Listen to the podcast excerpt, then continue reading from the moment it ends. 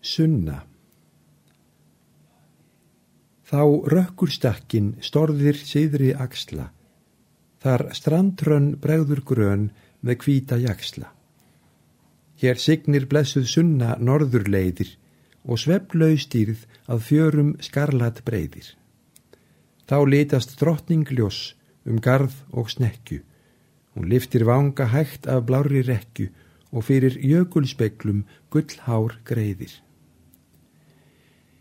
Því ber vort jarlíf dauðan stróma og vana, í dásemt aðra heims sem fær ei bana, fyrst aldrei glatast orkan híminborna, fyrst æskavor er klæði hins liðna og horna. Finnst himnakveld sem kastar herri ljóma, hvar kafar gestli dýbra í eðið tóma, en sólbrót vor um miðrar nætur morna. Oss hverfist sín og hæðaskignið blindast, er ringsvið geims og tíma um oss myndast. En alheims skipun er í blóðsins kortni, vor augu spekla stjörnukvöld að morni. Hver frumla á almátts arf og heimins ríki, um eilífð glitrar sjór í dagarlíki, tótt dægur hverf vor hætti og djúpin þorni.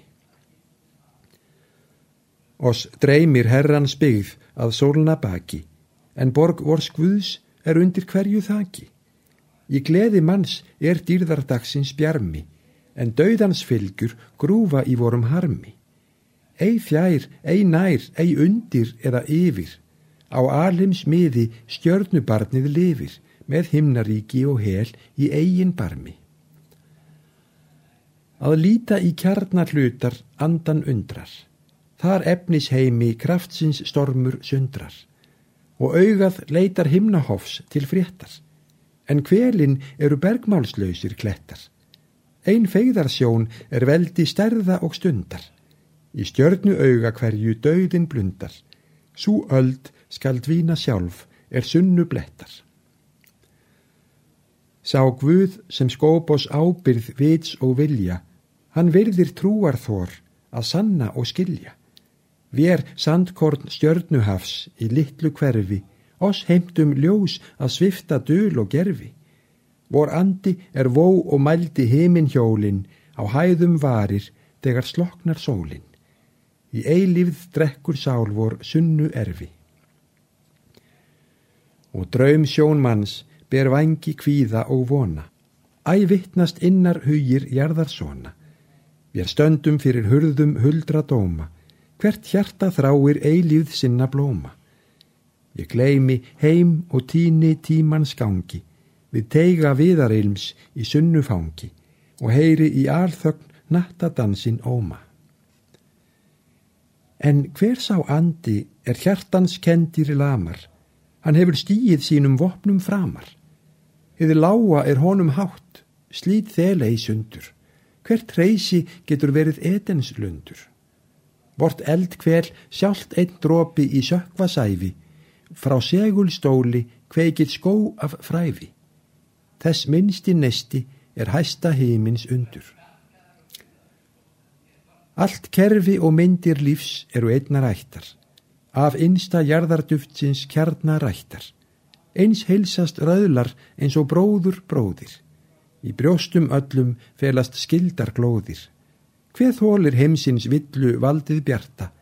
Því vaknar ei til kærleiks sér hvert hjarta? Er árbál tendrar sunna, moldarmóðir?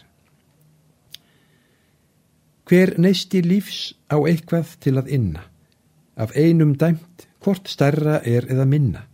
En sunna á hlutverk, hæstu lög að segja, er heimsins bóð um náð og mildi þeia. Við hennar ljós skal hjartans dagbók skrifa, Hjá hennar arni er guðdomlegt að lifa, við hennar brós er ekki dauði að deyja. Ein megin sjón veit allt um holt og hæðar, hver nýgur dögg, hver veitast fljótsins æðar, hver glapspor eitt var bölfun alda og æfa, hver arlein sólbjört dáð var jarðargæfa. Ó kenni og spóðun geistlans heiminháa, að hugsa orð, að skelvast vammið smáa, Það skapar örlug, dróttum, sanda og sæfa. Það alveits ríki er stjórnar ljósins ströym, oss stopni aðri sjón á hjartans draum. Það geymir líf og líkn við Íslands sárum, það lætur heiminn skína í vorum tárum. Hér treystist, hér treystist barnsins trú af lífsins fræðum, hér taki þjóðarandi stöð á hæðum, með sterka elda yfir tímans bárum.